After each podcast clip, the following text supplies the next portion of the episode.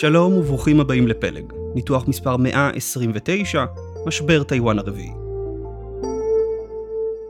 למקרה וביליתם את השבוע האחרון באתר נופש מנותק משאר העולם, ועדיף עם חול לבן ומים בצבע טורקיז, העולם היה על הקצה.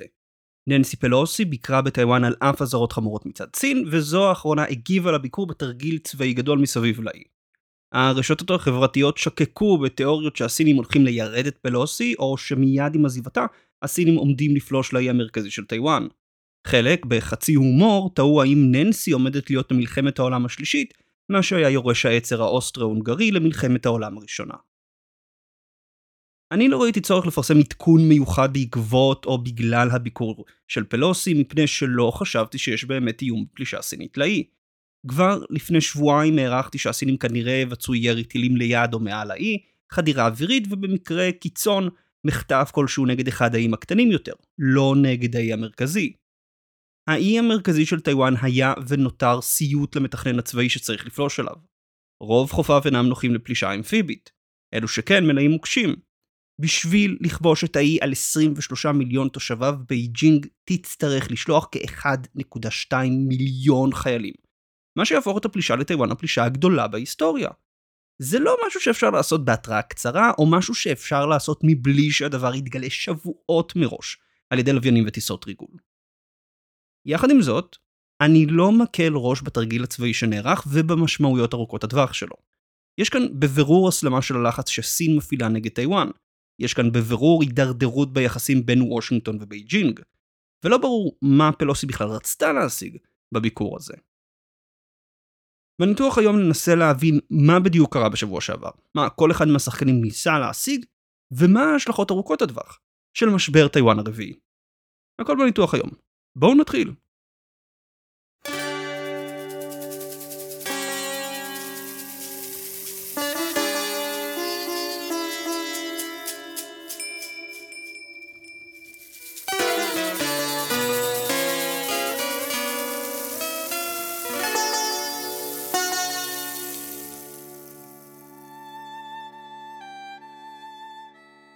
בואו וננסה לשרטט לעצמנו את ציר הזמן של המשבר, ועל בסיסו נוכל להתחיל ולנתח מה בדיוק התחולל כאן. אם אין לנו ציר זמן מאוחד והבנה של איך בדיוק התפתח המשבר, אז אנחנו לא יכולים להתחיל ולדבר על מה בדיוק קרה כאן. אז בואו נתחיל מההתחלה. בשני באוגוסט, יום שלישי, יושבת ראש בית הנבחרים של ארה"ב, ננסי פלוסי, נחתה בטיוואן במסגרת סדרה של ביקורים במזרח אסיה. פלוסי ביקרה בין השאר בדרום קוריאה, במלזיה, אינדונזיה ויפן. הביקור בטיוואן היה עוד ביקור והוא לכאורה לא היה אמור להיות כל כך משמעותי. חברי קונגרס כל הזמן מבקרים במדינות שונות, כולל מדינות עימן יש מתיחות, כמו למשל אוקראינה. טיוואן לא חריגה, רק באפריל השנה, ב-2022, ביקרה משלחת של חברי קונגרס באי. ההבדל הוא שפלוסי היא לא עוד חברת קונגרס. כיושבת ראש בית הנבחרים של ארה"ב היא האדם השלישי הכי בכיר בפוליטיקה האמריקנית. אם חלילה הנשיא וסגן הנשיא נהרגים, היא הנשיאה החדשה של ארצות הברית. הפעם האחרונה שיושב ראש בית הנבחרים ביקר בטיוואן היה ב-1997. עכשיו, פלוסי תכננה את הביקור כבר לאפריל השנה, אך הוא נדחה לאחר שנדבקה בקורונה. נראה היה לזמן מה שהיא אולי מוותרת על הביקור, עד שהפיננשל טיימס חשף ב-19 ביולי שפלוסי מתכוונת להוציא לפועל את הביקור שנדחה למזרח אסיה, והיא מתכוונת לבקר בטיוואן. בתגובה, בייג'ין הזהירה בערוצים רשמיים ולא רשמיים שביקור פלוסי ייתקל בתגובה חריפה מצד סין. בכירים אמריקנים שהיו מעורבים בשיחות מול בייג'ין, דיברו על כך שהשפה של הסינים הייתה הרבה יותר אגרסיבית מבדרך כלל. עכשיו, ממה שפורסם, זה לא שהסינים נתפסו בהפתעה בנוגע לביקור הזה. לפי דיווח של ניו יורק טיימס, מזכיר המדינה האמריקני אנטוני בלינקן סיפר לשר החוץ הסיני שפלוסי שוקלת ביקור בטיוואן כבר בתחילת יולי, במהלך פסגת ה-G20 באינדונזיה. מזכיר המדינה בלינקן הבהיר לשר החוץ הסיני שזו זכותה של יושבת הראש לבקר באי, וזו החלטתה בלבד אם לעשות זאת. אז בייג'ין ידע לפחות שבועיים לפני שאר העולם על הביקור. בכל מקרה, בייג'ינג אימה, אך פלוסי החליטה לבקר באי. ומיד עם הביקור שלה, בייג'ינג הגיבה במספר צעדים שמטרתם א', לפגוע בטיוואן, ב', להראות את הריבונות של סין על האי, וג', להפעיל לחץ דיפלומטי על ארצות הברית. במסגרת הפגיעה בטיוואן, סין החרימה מעל 100 מוצרים שונים, בין השאר פירות, דגים, דבש ותה. זו לא הפעם הראשונה שסין מחרימה מוצרים מטיוואן בשביל להפעיל עליה לחץ כלכלי. בשנה שעברה הם החרימו אננסים מטיוואן, מה שפשוט הביא להפניית הייצוא הטיוואני למקומות אחרים במזרח אסיה. שנית, הסינים הראו שהם הגיבון על האי באמצעות התרגיל הצבאי הגדול במצר ב-25 השנים האחרונות, מאז משבר טיוואן השלישי. התרגיל כלל ירי טילים מעל טיוואן, ואזורי האש שלו חדרו למים הטריטוריאליים של האי. חלק מהטילים שנורו אף פגעו במים הכלכליים של יפן. התרגיל דימה מצור ימי על האי עם פגיעה מוגבלת בשיט הימי. עם סיומו ביום ראשון, השביעי לאוגוסט, הסינים הכריזו גם על תרגיל חדש נגד צוללות שלא ברור אם הוא ממשיך את התרגיל הנוכחי, את התרגיל שהיה קודם, או שהוא תרגיל חדש, גם לא ברור איפה הוא היה. לבסוף, הסינים מפעילים לחץ דיפלומטי על ארה"ב על ידי ביטול של מספר דיאלוגים עם האמריקנים. הם ביטלו את הדיאלוג למאבק בשינוי האקלים, תיאום צבאי במזרח אסיה והמאבק בפשע המאורגן. אני קורא לזה הפעלת לחץ דיפלומטי משום שברור שהכוונה של בייג'ינג להכאיב לממשל ביידן. איך אני יודע? שימו לב מה לא בוטל, הדיאלוג הכלכלי בין סין וארצות הברית. הסינים מנסים להוריד את המכסים האמריקניים מימי ממשל טראמפ כבר חודשים. אז הם השאירו את הדיאלוג הכלכלי, שנעשה ברמת הבכירים בשתי המדינות, כי יש להם אינטרס להגדיל את היצוא לארצות הברית. הסינים רוצים להמשיך ולסחור עם האמריקנים. לעומת זאת, הם ביטלו את הדיאלוג למאבק בשינוי האקלים משום שזה יכאב לממשל ביידן. ממשל ביידן עוד לפני שהתחיל, סימן את הגדלת שיתוף הפעולה עם סין בנושא האקלים כיעד מרכזי שלו. אז בייג'ינג החליטה להעניש את ביידן על ידי חיסול פרויקט המחמד שלו. עכשיו כשיש לנו פחות או יותר ציר זמן של השלב הראשון של המשבר, שבתקווה הוא גם השלב האחרון של המשבר, אפשר להתחיל ולנסות ולהבין מה בדיוק הניע את השחקנים השונים בו. מה ננסי פלוסי רצתה להשיג? מה הסינים רצו? ומה ההשלכות ארוכות הטווח של המשבר?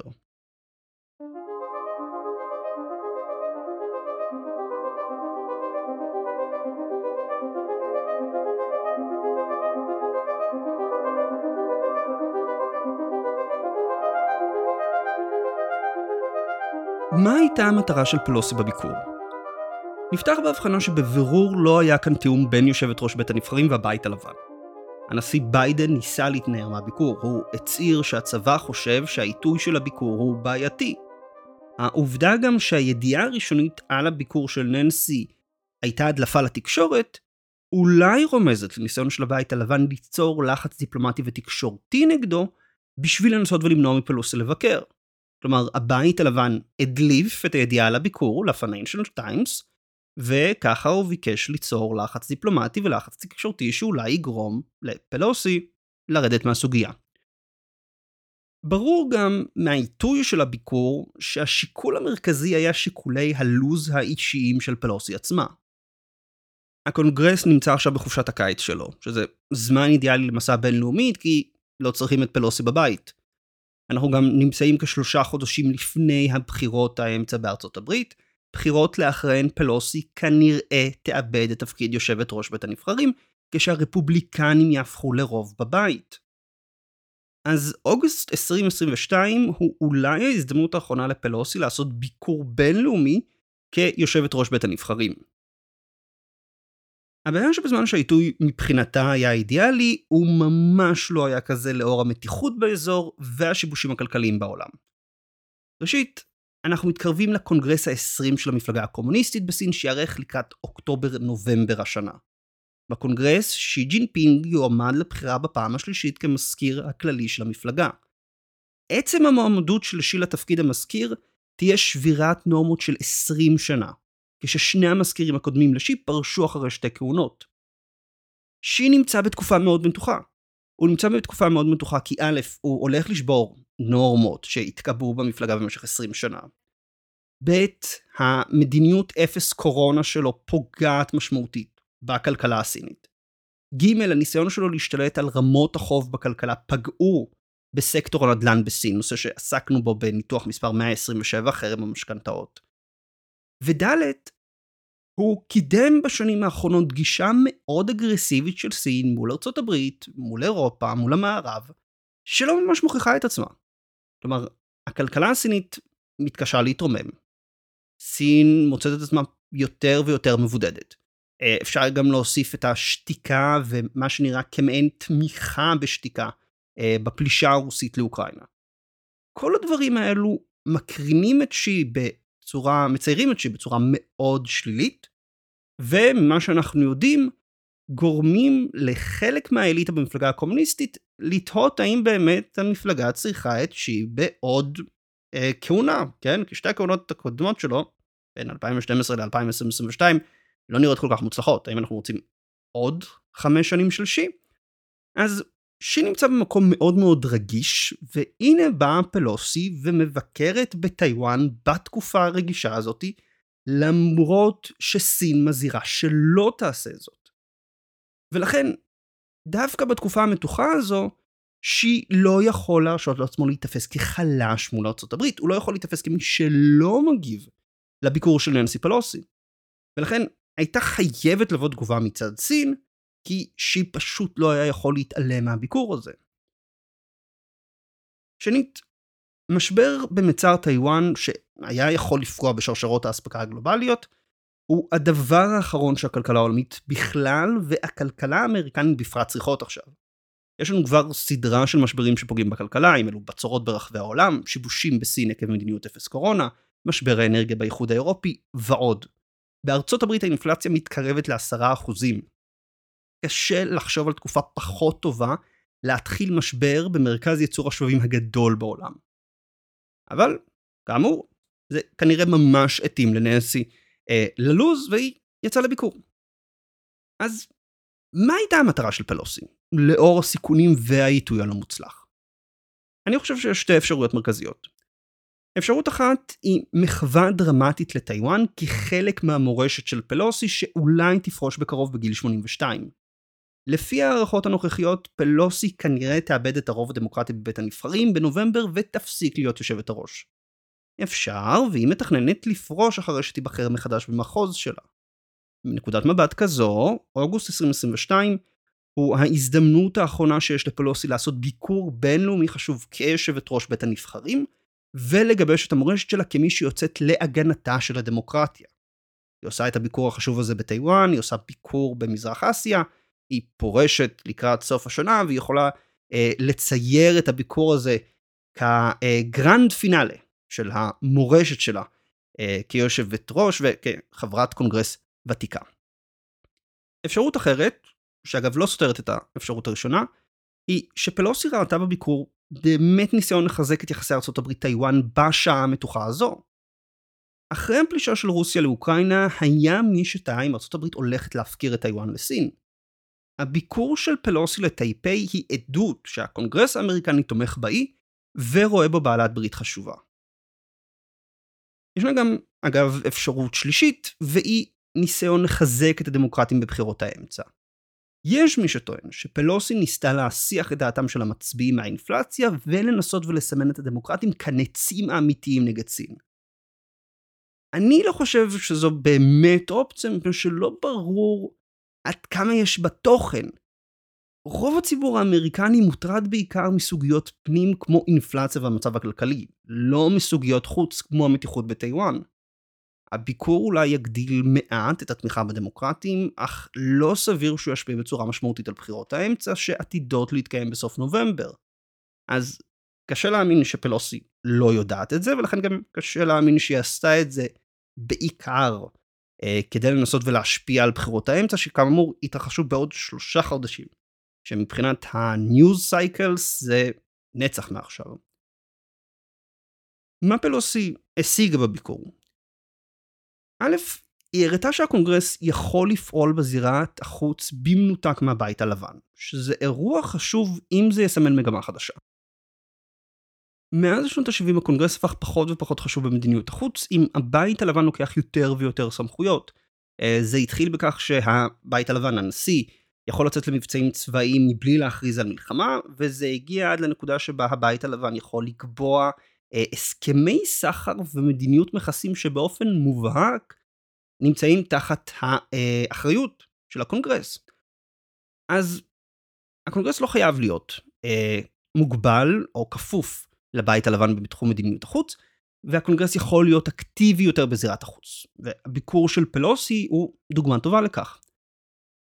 בנוסף, הביקור של פלוסי גם יכול ליצור תקדים לעוד בכירים אמריקנים להגיע לאי. קווין מקארתי, כיום מנהיג המיעוט הרפובליקני בבית הנבחרים, וצפוי להיות יושב הראש החדש שלו אם המפלגה הרפובליקנית תנצח בבחירות האמצע, אמר שהוא היה שמח לבקר ביחד עם פלוסי בטיוואן. ככל שיחסי סין ארצות הברית ימשיכו להיות מתוחים, פוליטיקאים משתי המפלגות ירצו להגיע לאי ולהפגין את התמיכה שלהם בדמוקרטיה מול אוטוקרטיה. יכול להיות שב-2024 נראה את ההגעה של אחד או שני המועמדים לנשיאות בארצות הברית לטיוואן לביקור. לבסוף, הביקור שלה כן נתפס בעיני הטיוואנים כהפגנת תמיכה חשובה של ארצות הברית. וזו נקודה חשובה. תהיה אשר תהיה הסיבה שהניעה את פלוסי להגיע, עבור אזרחי טיוואן, הביקור הוא הוכחה לתמיכה של וושינגטון בטייפיי. בתקופה של מתיחות גיאופוליטית גדלה בין ארצות הברית וסין, ולאור הפלישה הרוסית לאוקראינה, הביקור של פלוסי, על אף האיומים מצד בייג'ינג, מוכיחים לאזרחי טיוואן שהם יכולים לסמוך על וושינגטון לביטחונם. וזה בדיוק מה שמתסכל את הסינים.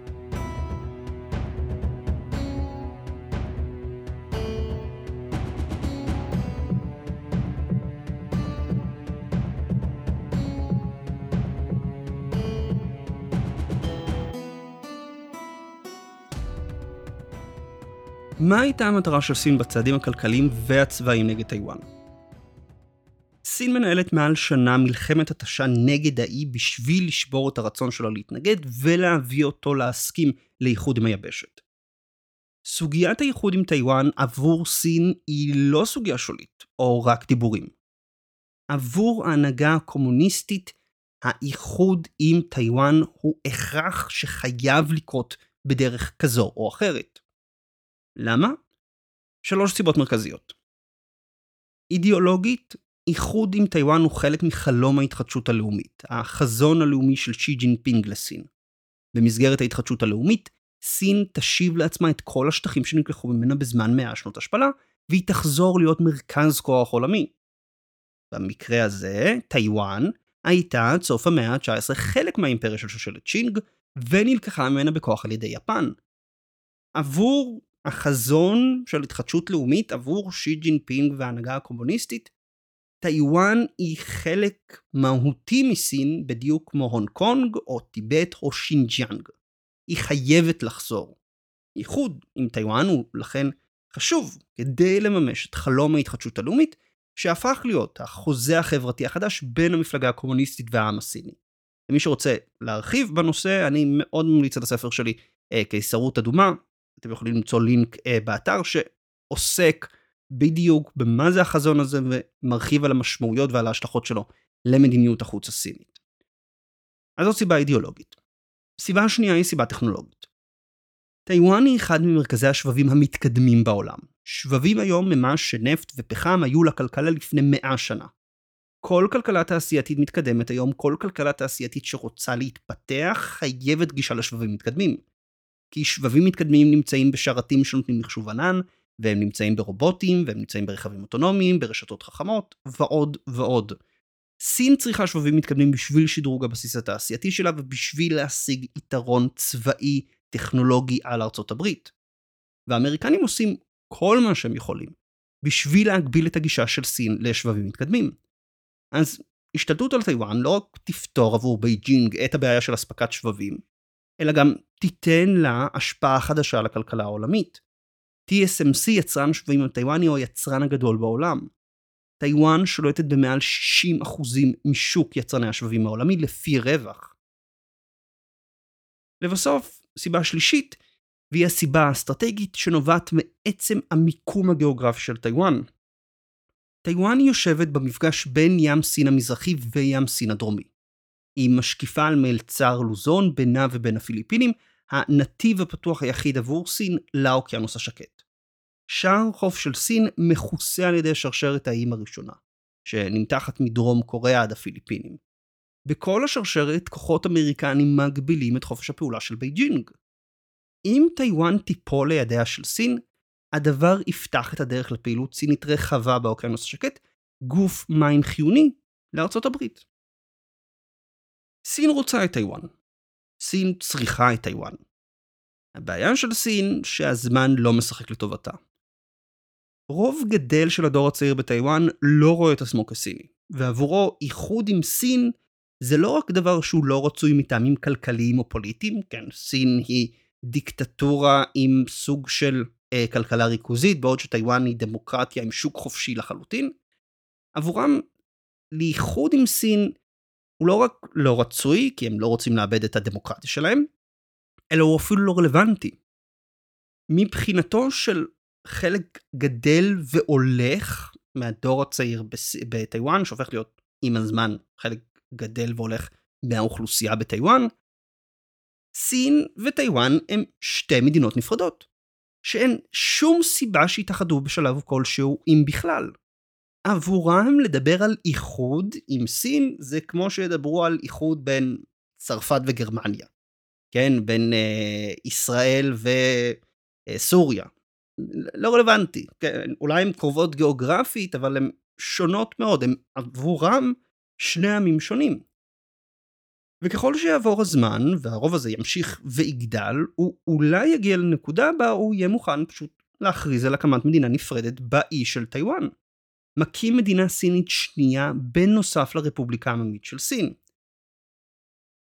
למי שפחות מכיר אגב את הסוגיה הזאת של סין וטיוואן ומדיניות סין אחת, כתבתי מדריך מאוד מאוד קצר לסוגיה הזאת, יש קישור אה, גם בתוך הפרק עצמו, אתם מוזמנים להיכנס אה, ללינק שנמצא בהערות של הפרק, אה, וגם אתם יכולים להיכנס בדף הבית, כרגע זה מופיע. אה, המדריך המאוד קצר לסוגיית טיוואן, כדי טיפה לעזור ולהבין מה מטריד את סין בככה שפתאום טיוואן תכריז עצמאות. אז א', יש לנו שינוי בין דורי בטיוואן, ובמקביל, סין צפויה לראות האטה משמעותית בצמיחה הכלכלית שלה עקב שינויים דמוגרפיים. האטה כלכלית תקטין את ההשפעה שיש לסין על טיוואן, מה שרק יקטין את הרצון של טיוואן להצטרף לבייג'ינג. האטה כלכלית גם תקשה על סין להמשיך ולהתחרות צבאית מול הקואליציה של הודו, יפן האנגלוספירה בזירה הפסיפית. סביר להניח שיש לסין כעשור עד עשור וחצי עד שהכלכלה שלה תעמד במקום, והיא תהיה חלשה מדי צבאית לשנות את הסטטוס קוו במצר טיוואן. מכאן שסביר שסין תנסה בשלב כלשהו בעתיד להשתלט צבאית על האי, או לכל הפחות ללחוץ אותו לכניעה באמצעות מצור ימי. פעולה צבאית היא הדרך היחידה לגשר בין הרצון של בייג'ינג בשליטה והסירוב של רוב אזרחי טיוואן להיכנע. עם ההבנה הזאתי, התרגיל הצבאי הנוכחי הוא חשוב משום שהוא מדמה מצור ימי על האי, ואולי אף את השלב הראשוני של פלישה אליו. במסגרת התרגיל ספינות של החיל הים הסיני הקיפו את טיוואן, בעוד כוח הטילים של צבא השחרור העממי כנראה דימה פגיעה במטרות איכות באי. כל זה קרה בעוד גל של מטוסי קרב חצה את קו האמצע במצר, מדמה מתקפה אווירית. אין ספק שאנשי מודיעין בארצות הברית, בטיוואן ויפן, עוברים עכשיו על תנועת הכוחות בתרגיל בשביל ללמוד את הטקטיקות והאסטרטגיה הסינית. מכאן גם אנחנו חייבים להבין שנכון שבתרגיל הזה סין לא פלשה לטיוואן, אבל בתרגיל הזה סין התכוננה לפלוש, או הכינה את עצמה לקראת מצור ימי על האי. כלומר, העובדה שהתרגיל הזה לא הסתיים בפלישה לא אומרת שאנחנו יכולים פשוט לפתור את האפשרות של אה, פלישה או משבר משמעותי במצר טיוואן כמשהו הזוי. ויש עוד יעד, אה, יש עוד מטרה לתרגיל, והיא מטרה פנימית. מפת שטחי האש שלו פורסמה ברשת החדשות הממשלתית הסינית שינחואה. המטרה בפרסום דווקא דרך רשת החדשות הממשלתית היא כדי לפרסם את התרגיל לא רק לעולם החיצון, אלא גם ובמיוחד לקהל הסיני בבית. באמצעות התרגיל ההנהגה הקומוניסטית הראתה לאזרחי סין שסין היא עדיין הריבון על טיוואן, מקיפה אותו מכל צדדיו, ושהיא לא מוכנה להתקפל מול האמריקנים. מעניין גם להשוות בין שטחי האש על התרגיל הנוכחי ושטחי האש בזמן משבר טיוואן השלישי. שטחי האש הנוכחיים מקיפים את כל האי מכל צדדיו, בעוד שטחי האש במשבר טיוואן השלישי בין 1995 ל-1996 הוגבלו בעיקר למצר טיוואן ממערב לו. הפריסה הרחבה יותר של השטחים משקפת את בניין הכוח הסיני ב-20 השנים האחרונות, במיוחד של חיל הים. היום חיל הים הסיני יכול לפעול רחוק יותר מקו החוף של המולדת, ולתאם ביתר קלות עם הזרועות האחרות של הצבא השחרור העממי פעולה רב-זרועית, לדוגמה, מסביב לאי של טיוואן.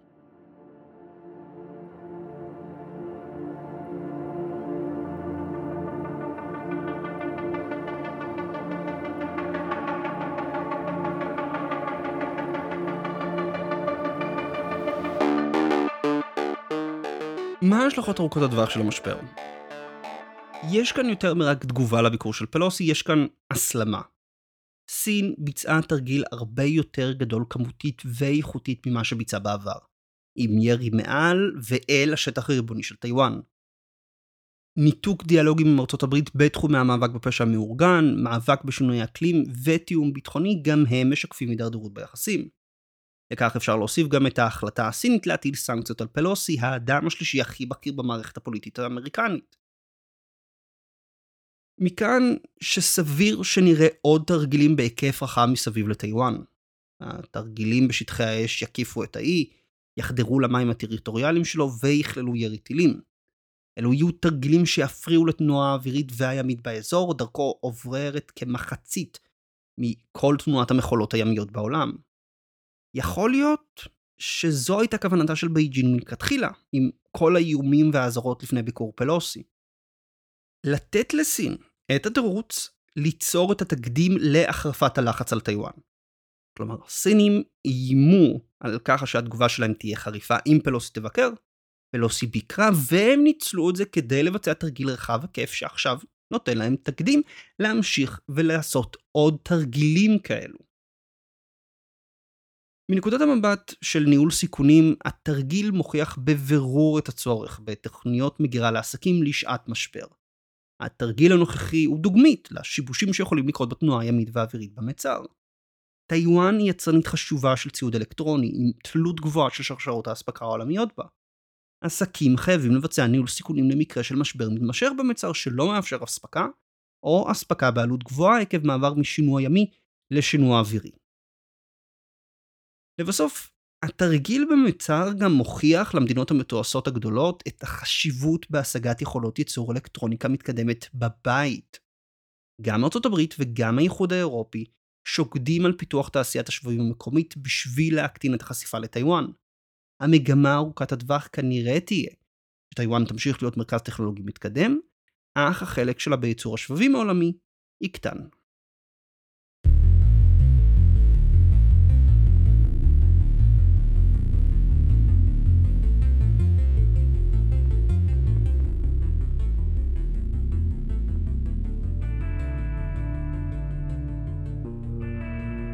סיימנו את השלב הראשון ובתקווה האחרון של משבר טיוואן הרביעי. בזמן שרבים ציפו לפלישה הסינית לטיוואן שלא קרתה, אסור לזלזל במשמעויות ארוכות הטווח של המשבר. סין העלתה את רמת התרגילים במצר, את מידת הלחץ שהיא מוכנה להפעיל על טיוואן, וסגרה ערוצי תקשורת חשובים מארצות הברית. בארצות הברית, באירופה, מבינים את הצורך בהקמה של תעשיית שבבים עצמאית מטיוואן. הקמה של תעשיית שבבים שיכולה להמשיך ולספק את השבבים שהכלכלה המודרנית צריכה גם במקרה של משבר. המשבר הנוכחי בהחלט לא הולך להיות המשבר האחרון במצר. תודה לכם על ההקשבה.